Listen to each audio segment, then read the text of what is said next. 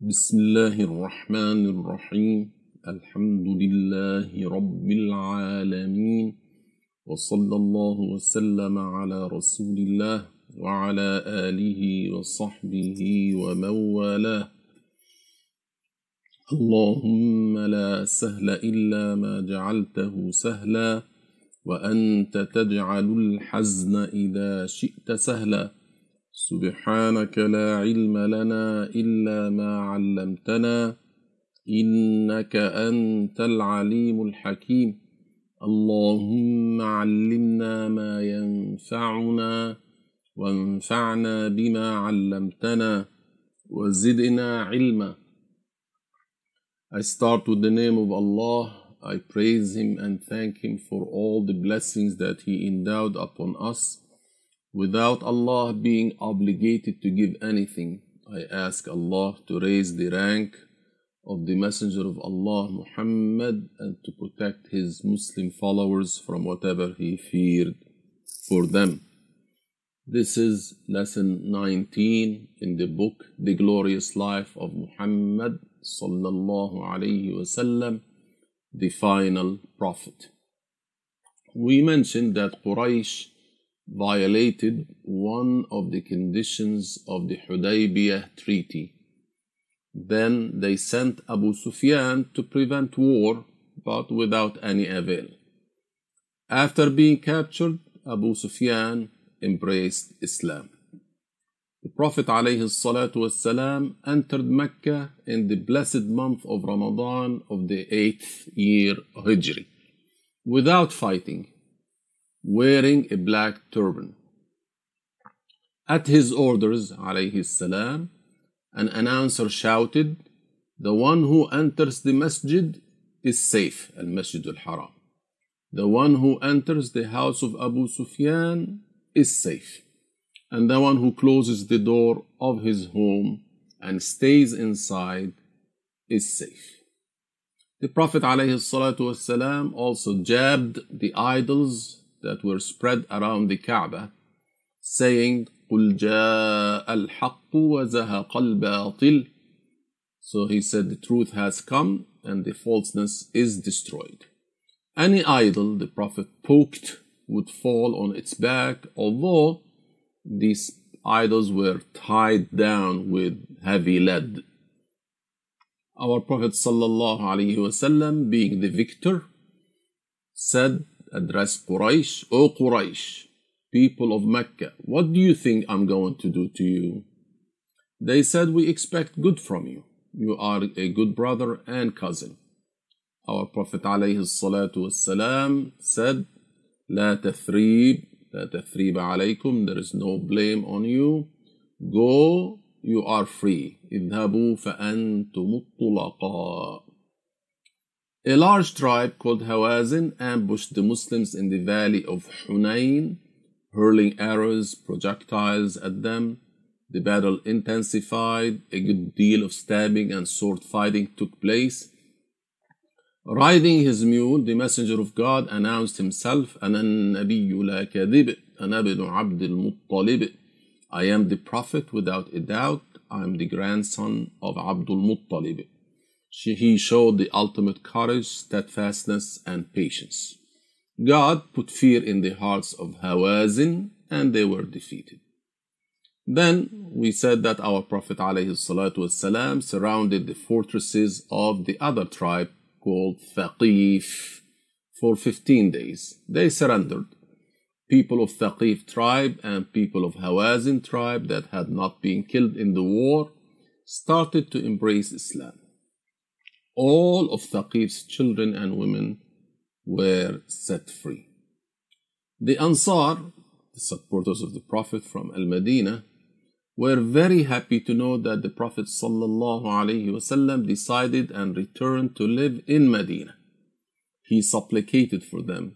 He said, O God, have mercy upon the Ansar, their children, and their grandchildren.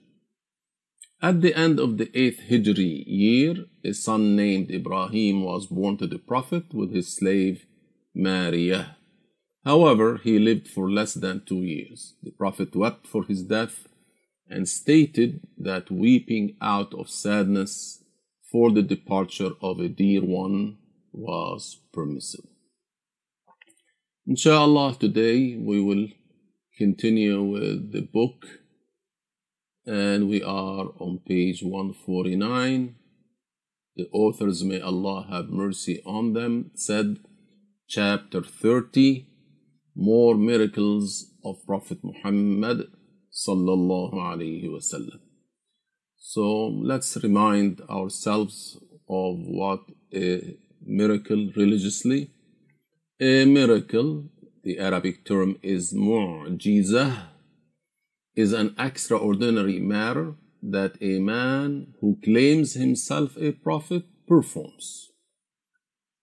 This mu'jizah, this miracle, agrees with the claim of this man of his prophethood. And the opponents of the prophet cannot duplicate this mu'jizah, this miracle. So it is inimitable.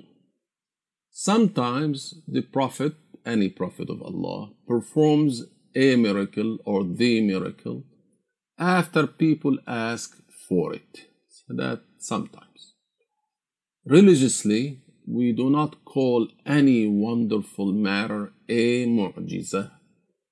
In the English language, of course, they use the word miracle for unusual things that do not happen uh, every day. They say if it defies the laws of physics, this is miracle.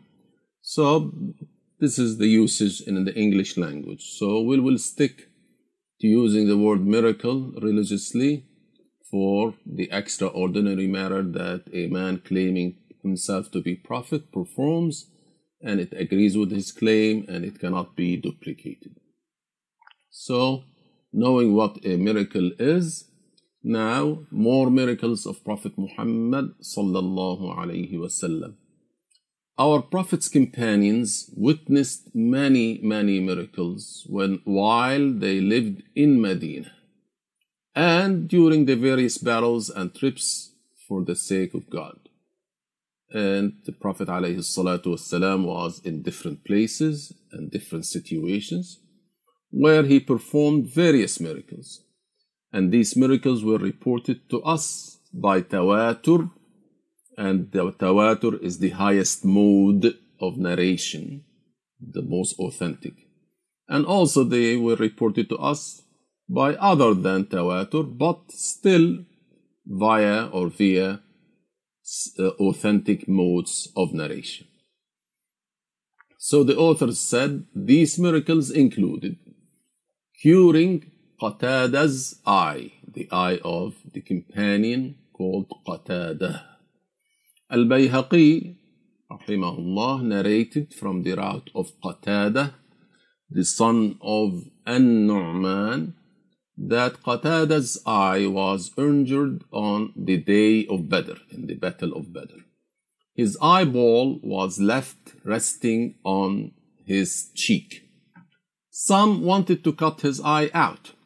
However, they asked the Messenger of Allah, of God, whether they should so, whether they should do so.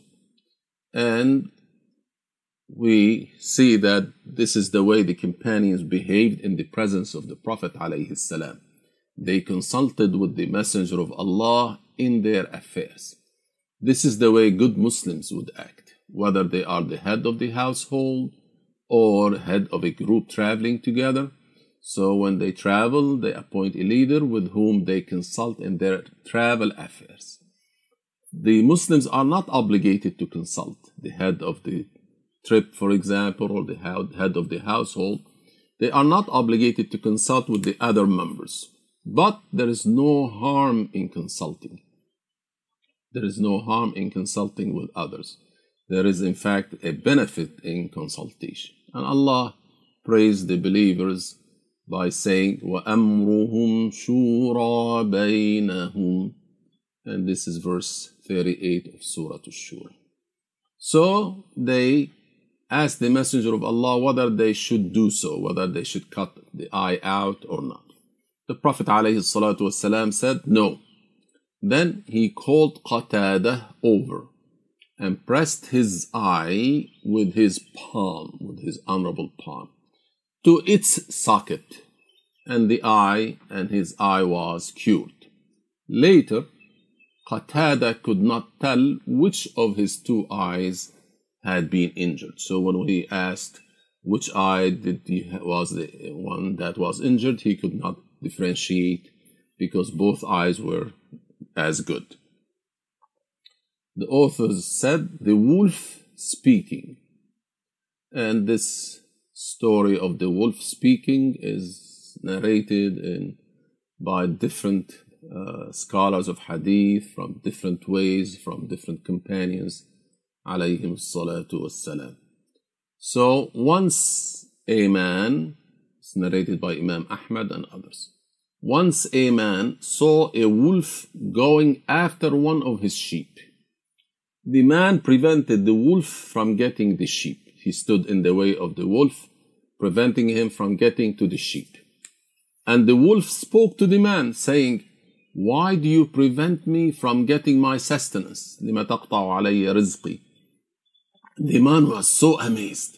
He said, A wolf speaks? The wolf said to him, What is more amazing, means أعجب من ذلك, is that in Medina, and he described the place, is a man who is the prophet of God. This man, this shepherd, went to Medina. He came with his uh, herd and he put his herd in one area of Al Medina and then went in and inquired about the Prophet. He found our Prophet and told him what had happened. Our Prophet Muhammad sallallahu alaihi wasallam confirmed what the man said. And he gathered, summoned the Sahaba, and he said, Tell them what happened with you. And then the Prophet said he is truthful about what he said. And the man became Muslim. The shepherd in one of the narrations says that he was a Jew and he became a Muslim. Alhamdulillah Rabbil Alameen by saying the Shahada to become a Muslim. The third, the author said, the complaint of the camel. Once a man treated his camel unjustly. The camel spoke to our Prophet and told him about the injustice done to it. Prophet Muhammad sallallahu alaihi wasallam went to the owner of the camel and reprimanded him, chided him, telling the man that the camel complained to him about being overworked and underfed. The Prophet ﷺ said to the man, ألا تتق الله عز وجل في هذه البهيمة التي ملكك الله تعالى إياها فإنه يشكو إلي أنك تدئبه وتجيعه. So you are overworking it and underfeeding it. And the camel's tears, you know, came on his cheek. The author said, the mourning tree trunk. The Prophet ﷺ used to give his speech in his mosque, and his masjid in Medina each time leaning on a trunk of a dead palm tree. Once in the 8th Hijri year, some of the companions said, Let us build a pulpit, a platform, mimbar, for the Prophet. So they wanted to have something which is higher so that the Prophet stands on it and he will be more visible to the Sahaba. They made one and the Prophet used it instead of leaning on that palm trunk. When the Prophet ﷺ started speaking, the palm trunk began moaning loudly, like a little child. All the people who were in the mosque heard his, this trunk moaning. The Prophet ﷺ went down from the mimbar and put his honorable hand on the palm trunk. And in another narration, he embraced the trunk, hugged it. And the trunk started to calm down as a little child does when he is comforted. This miracle was witnessed by a large number of people, and they told others, making it very famous and undoubted. You have figure 30 palm tree trunks. Another miracle, the authors said, water springs from between the Prophet's fingers. The Prophet, peace and blessings be upon him, was once given a container of water that did not cover all of his dipped fingers. So his fingers are dipped in the container, and the water was not even covering his honorable fingers. When the Prophet ﷺ placed his honored hand in the container, water started springing from between his fingers, the flesh. Then all the people, about 1500, were present who were present made wudu, made ablution, drank from this water, and filled their containers. And such an event took place more than one time. Al Bukhari and Muslim narrated from the route of Jabir that he said, Jabir is Jabir ibn Abdullah. He and his father were companions. So Jabir said, People were thirsty on the day of Hudaybiyah. Remember the event of Hudaybiyah where a treaty was ratified. And the Prophet ﷺ had a bowl of water from which he was making wudu. The people started coming towards him, and he asked, What's wrong? They said, O Prophet of God, we do not have any water to make wudu or drink from, except that which you now hold. The Prophet ﷺ placed his hand in the bowl, and the water flowed out from between his fingers as if springs were there. We drank and made wudu. Jabir is narrating. We drank and made wudu. Jabir was asked, How many were you? He said, If we had been 100,000, it would have been enough. The water would have been enough. We were 1500. These means what we just narrated to you are just a very small number of the hundreds of miracles God gave to Prophet Muhammad sallallahu alaihi wasallam. May God greatly bless him. The authors said, chapter 31, off to Tabuk.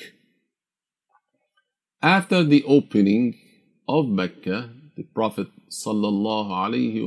wasallam received received many delegations in Medina.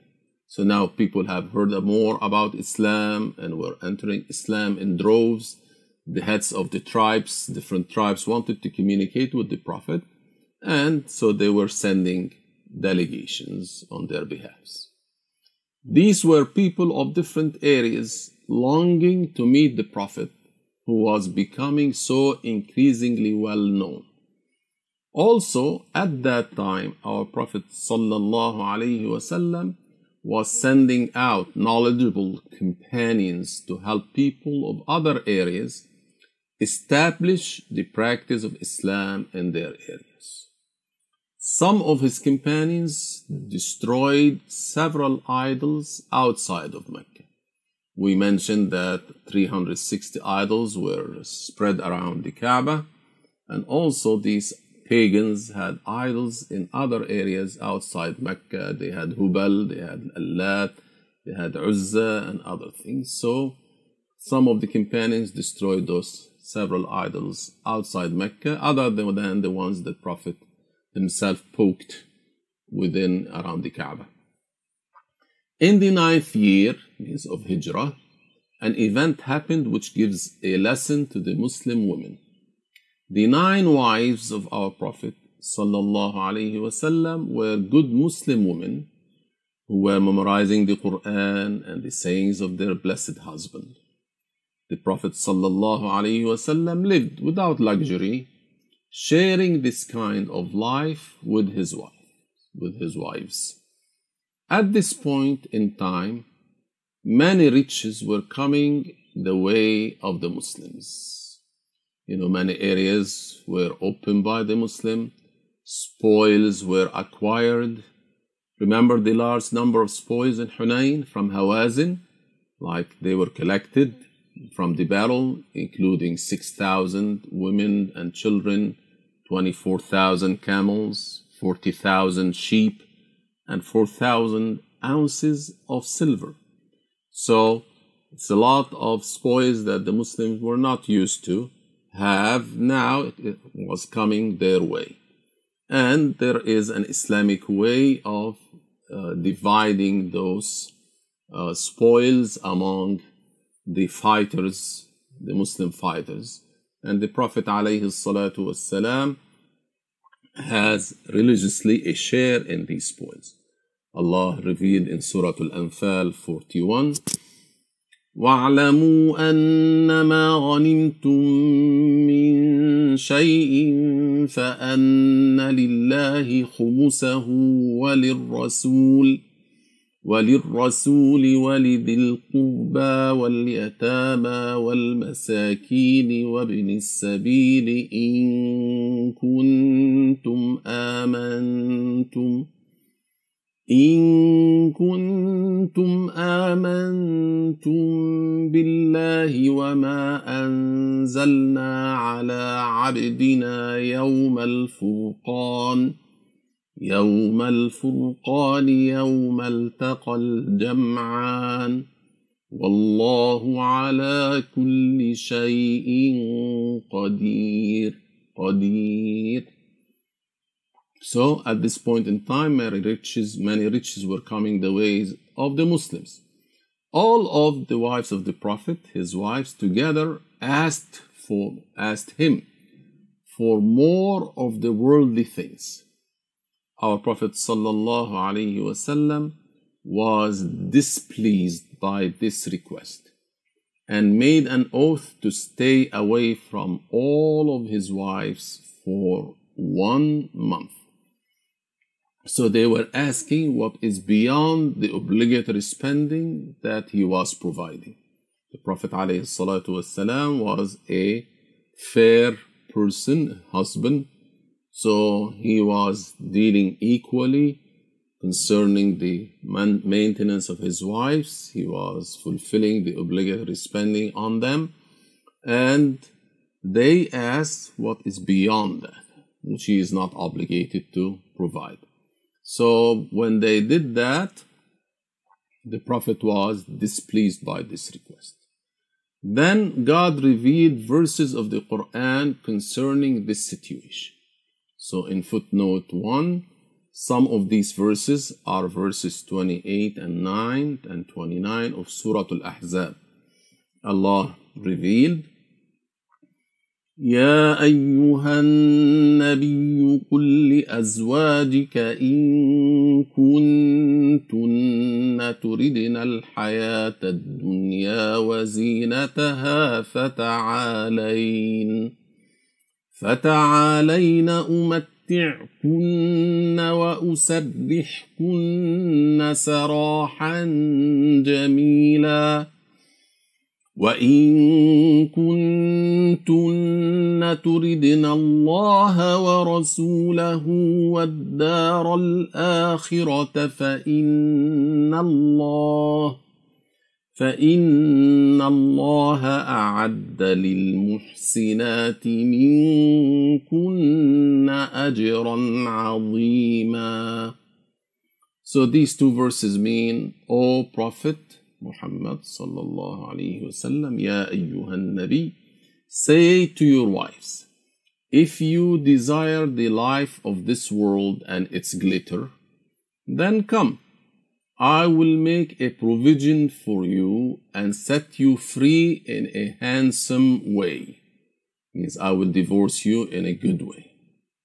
However, if you desire to obey Allah and His Messenger and the home, means and you desire the home of the hereafter, then certainly Allah has prepared for the good ones among you an enormous reward.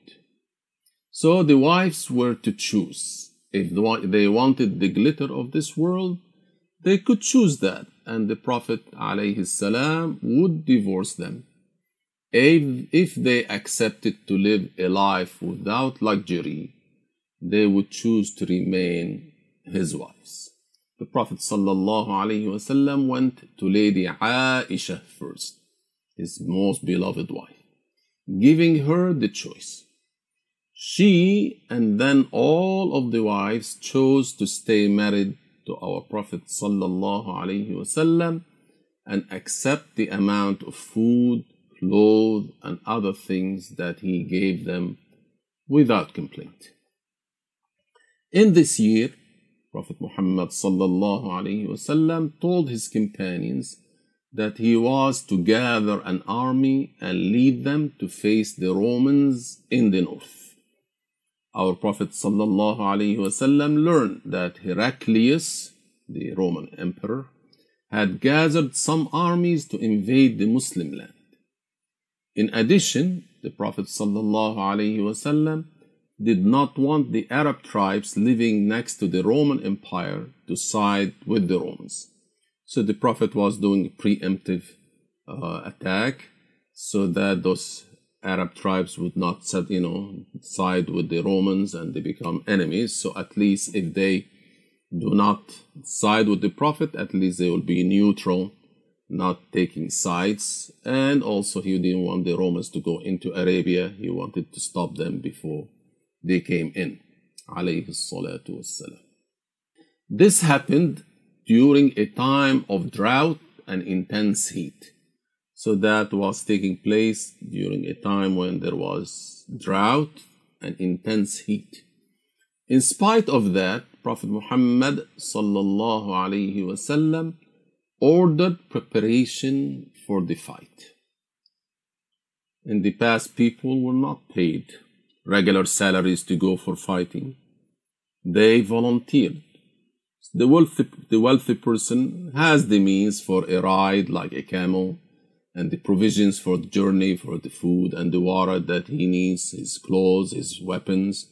So this is the way it used to happen. However, the poor people would go out on foot they don't have, cannot afford an animal.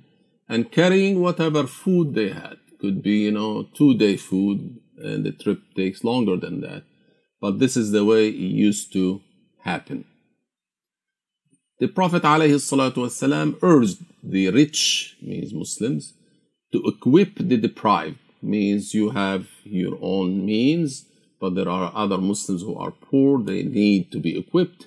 So the Prophet encouraged them to help in that affair. Uthman ibn Affan, radiallahu anhu, may God bless him, spent a huge sum of money which was not equaled by any other. So this army was called the army of, of hardship. Sayyidina Uthman, he provided for 300 camels with everything on it, means with the saddles and whatever it needed, food, etc.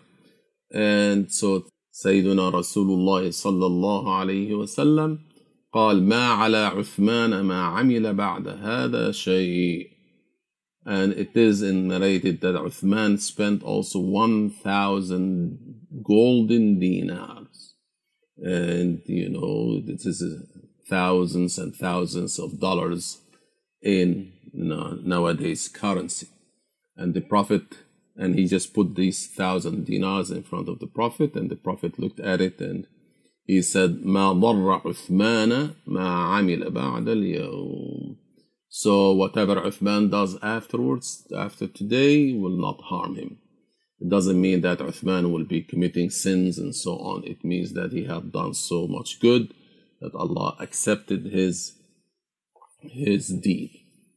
Abu Bakr as-Siddiq radiallahu anh donated all his wealth. He brought everything he had. Umar ibn al-Khattab donated half of his wealth. And Al-Abbas and Talha gave a great deal of money. the women gave away all that they could afford of their jewelry. When the people gathered, the Prophet ﷺ had an army of 30,000 infantry, means foot soldier, and 10,000 horsemen. That's a huge army to provide for, to have food, camels, weapons, eh, organization, and so on. Sallallahu alayhi wasallam. Now, of course, people were ordered to go out for this battle, this encounter with the Romans. The hypocrites, remember, there were a group of people in Medina who internally hated Islam and externally, you know, attended the Jama'ah and mingled with the Muslims as if they were Muslims. But really, they were non Muslims. But Islamically, they were treated according to the external appearance, external behavior. So they did not want to go, so they gave the Prophet excuses of why they would not go. For example, it's too hot to go, you know, out and etc. Different, un, you know, unacceptable excuses. But there were companions, mashallah, who went out with the army, but there were others that delayed their going out. One of these companions was Abu Khaythama. He was, you know, he had two wives and they were, he had prepared for him. He has his orchard they prepared cool water for him, food, they beautified themselves for him. So there was shade, and so it was, you know, something that is enticing. But then he realized, he said, he said, I'm here enjoying all of these, and the Messenger of Allah, sallallahu alaihi wasallam, is in the heat, the extreme heat, traveling so he said, This is not fair. It's not, you know, like just. So he said to his wife, I'm not going to approach you. Now you uh, pack my things. And he, you know, although he procrastinated, but then he decided to travel and try to join the army. And he hurried to, you know, join the army, but he didn't want to miss the, the battle. And Allah, the Prophet والسلام, when they told him somebody is coming, he said, Kun Aba Khaythama, be Abu Khaythama. And then when he came, the Prophet والسلام, said, What you did was better than staying back. The army was close to the area of Tabuk. Allah also, on the other hand, three Muslim men, also companions, who were not hypocrites, did not go although they were able. And their case is mentioned in the Quran in Surah At-Tawbah, verse 118. Allah revealed about these three men. وعلى الثلاثة الذين خلفوا حتى إذا ضاقت عليهم الأرض بما رحبت وضاقت وضاقت عليهم أنفسهم وظنوا وظنوا أن لا ملجأ من الله إلا إليه ثم تاب عليهم ليتوبوا. إن الله هو التواب الرحيم. So these ayahs talks about those three men. That were left behind and regretted their mistake to the point that the earth closed in on them in spite of its vastness, and their souls confined them. And they were certain that there is no refuge from Allah except to resort to Allah. And then Allah accepted their repentance so they could repent. Indeed, Allah is the accepting of repentance and He is the merciful. So there were three companions named Ka'b ibn Malik, Marara ibn Rabi' and Hilal ibn Abi Umayyah. They did not join the army and they had no excuse. But they were not hypocrites. It was, of course, as we said, very hot and intense. But despite what they did, they did not lie about it. When the Prophet came back, they did not come and try to make excuses for themselves. They came and they were uh, truthful. O Messenger of Allah, we had no excuse. So when the Prophet wasallam said, saw their truthfulness and so on, but then he ordered the people to boycott them so people would not talk to them. Even their wives inside their homes would not speak to them upon the orders of the Prophet wasallam, their relatives, their people in the marketplace. So it was very hard for them. And even, you know, like some Christian uh, send them a message to tell them, okay, your uh, prophet, you know, gave up on you, we'll, we'll, we'll, we'll welcome you and honor you and so on. And that came like after 40 days of such boycott. And then they thought, uh, Ka'b ibn Malik thought that it was a fitna, a trial, and he, you know, cried more and so on. Then after 50 nights, Allah subhanahu wa ta'ala uh, revealed those verses and the repentance was announced and Ka'b said this was a great blessing after being a Muslim that Allah subhanahu wa ta'ala accepted my repentance.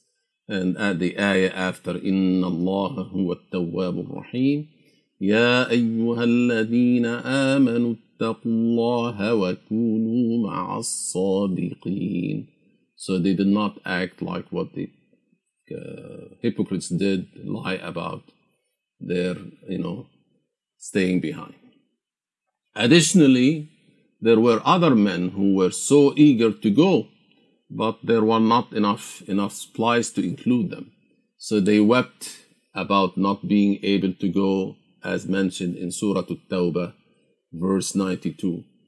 ولا, ولا على الذين إذا ما أتوك لتحملهم قلت لا أجد ما أحملكم عليه تولوا تولوا وأعينهم تفيض من الدمع حزنا ألا يجدوا ما ينفقون The great warrior Ali ibn Abi Talib radiallahu anhu was appointed by the Prophet sallallahu alaihi wasallam to stay in Medina to take care of the Prophet's family. Ali had always participated in battles. The hypocrites taunted him about staying behind, saying that the Prophet did not like him our Prophet وسلم, consoled him. I mean, Ali came to the Prophet and said, You leave me behind with the women and the children. So the Prophet والسلام, comforted him, consoled him, saying, Are you not pleased to be in the same status with me as Harun, Aaron, was with Musa, Moses, except that there is no prophet after me? يعني he said ألا ترضى يا علي أن تكون مني بمنزلة هارون من موسى إلا أنه لا نبي بعدي So while Musa went, that's footnote 1 on page 154, while Musa went to receive the Torah, his brother Prophet Harun looked after Musa's people. Our Islamic scholars use this statement to confirm that there will never be a prophet after Muhammad sallallahu alaihi wasallam. Additionally, Prophet Harun died before Prophet Musa. Hence, there is no basis for some to claim that Ali was a prophet after Muhammad, peace and blessings be upon him and upon all the other prophets. So this is, it just means that Musa alayhi salam trusted. The analogy is that Prophet Musa alayhi salam trusted Harun to be in charge of the people, the Israelites, when he was away. And Muhammad alayhi salatu also trusted Ali radiallahu anhu to take care of the affairs of the family of the Prophet while the Prophet was away. And this was, of course, honor for our master Ali ibn Abi Talib, karramallahu wajhah. Now, the authors said, in order to confuse the enemies, it was the habit of our Prophet sallallahu alaihi wasallam not to take a direct route to them, to the enemies. However, in this attack, the route was direct due to the length of the travel and the weather conditions. يعني it is mentioned in the hadith لم يكن رسول الله صلى الله عليه وسلم يريد غزوة إلا ورى بغيرها So when he moved out to meet the enemy, he would make a diversion, giving the enemy the, the impression that he's not coming to them, he's going another direction. Because the Prophet said, Al-harbu khud'ah, what means war relies on deception, on deceiving your enemy. Until this ghazwa, this campaign of Tabuk came, it was very hot, it was a long distance, you know, from Medina to up to Tabuk, to where Jordan is. And so the Muslims had to prepare well for this long journey. So he just told them where he was really going. This army was called the Army of Hardship, Jayshul Usrah, due to the fact that three men would take turns riding one camel and food and water was scarce. One of the many miracles God gave to our Prophet ﷺ occurred as the army was on its way. Some of the army came to the Prophet asking if they could slaughter some of their camels and eat them due to their hunger. The Prophet ﷺ permitted them. But before they did so, Umar ibn Khattab made a suggestion. He said, if you allow them, then there will have fewer animals to ride. If we slaughter the animals and eat them, then we're going to have less to ride to and back. So Umar said, O Messenger of God, have the people bring their bits of food and you ask God to bless the food. The Prophet والسلام, agreed to this. He is the Prophet, he is the commander, he is the messenger of Allah. He has like 40,000 soldiers under his command. And one of his companions suggests something that makes sense, that has good for the whole army, and the Prophet doesn't hesitate to accept. This is, you know, the, the, the ultimate uh, humbleness. Sallallahu Alaihi Wasallam. A piece of leather was spread on the ground, and on it the Prophet Sallallahu Alaihi Wasallam had them place their food, which was very little a handful of corn, dates, and bread. So, person just like has something in his hand, corn, and he puts it there. He has some dates, he puts it there. He has you know, pieces of bread, puts it there. So until little amount of food was gathered on that piece of leather. Prophet Muhammad sallallahu asked God to bless that food. Prophet alayhi bil barakah. The Prophet told the companions to take from the food and fill their containers. All the containers in the camp, remember about 40,000, were filled with that food. They ate their fill and there was food left over. Praise be to God. The army passed by the city where once lived Thamud, the tribe of Prophet Salih alayhi salam. Remember Allah sent upon them that wind that destroyed them. Prophet Muhammad sallallahu alaihi wasallam forbade his soldiers from entering those houses that the blasphemous Thamud had carved out of stone. وَثَمُودَ الَّذِينَ جَابُوا الصَّخْرَ بِالْوَادِ so the Prophet said, do not go into the houses of these tortured people. Unless you are crying and you want to learn lesson, but do not go into their houses and you know like stay and linger around or else you would be hit with whatever they were hit similar to what they were hit. So it's better when there is a place of of of, of uh, disobedience to pass by fast, not to linger around. Not sometimes some people go to certain cities like Las Vegas or they go to Atlantic City where gambling is. They go on purpose to be in that city. And the Prophet ﷺ wanted the army just to pass by, not to linger around where people of disobedience used to live. So let's learn a lesson.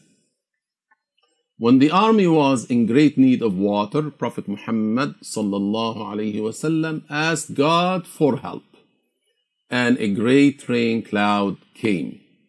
By God's will, that cloud supplied them with the water they needed. That cloud did not go beyond where the army is, just over the army dropped its load on them. The Muslim army arrived in the city of Tabuk. And if you look in the next page where Tabuk is, so it's like you have a north, so we have Ta'if, Mecca, Yathrib or Medina, and you have Tabuk, Mu'ta, Jerusalem, and Damascus. So you could see the distance is very, very large. The map may not be to scale, but that's what uh, where Tabuk was. So uh, we said the Muslim army arrived in the city of Tabuk. There they set up their camp. Our Prophet ﷺ addressed them with blessed, encouraging words. The news of the Muslim army reached the Romans. Feeling terror in their hearts, the Romans chose not to fight the Muslims. Some of the cities of the area came under the control of the Muslims. So the army passed by, and there were people who were Christians and not Muslims. So they paid jizya to the Muslim state and in turn were protected. Jizya is payment by non Muslims to the Muslim state. By paying this, the non Muslim can live in the Muslim state and will receive protection. The army returned to Medina without a bloody fight, but with a great triumph. You have these Muslims, you know, stood up to the Roman Empire, and the Romans themselves chose to avoid the fighting. So this is a great victory, great triumph. Our Prophet wasallam and the army returned to Medina in Ramadan of the ninth Hijri year. With this expedition, taking 50 days in total. This was the last major campaign of our Prophet sallallahu alaihi wasallam. You have figure 31, the campaigns of the Prophet, and if you look in the table, Badr took in place in the second year, Uhud in the third year, Al Khandaq or the allied factions, the ditch, the trench in the fourth year, Hudaybiyah treaty took place in the sixth year, Khaybar seventh, Mu'ta eighth, opening of Mecca eighth, Hunain with Hawazin and Thaqif eight, and the last one, Tabuk, in the ninth year of Hijrah. هذا ونستغفر الله لي ولكم Inshallah, we'll continue with the next lesson. لا إله إلا الله اللهم صل على سيدنا محمد وعلى آله وصحبه وسلم. رب اغفر لي وللمؤمنين رب اغفر لي وللمؤمنين والمؤمنات رب اغفر لي وللمؤمنين والمؤمنات.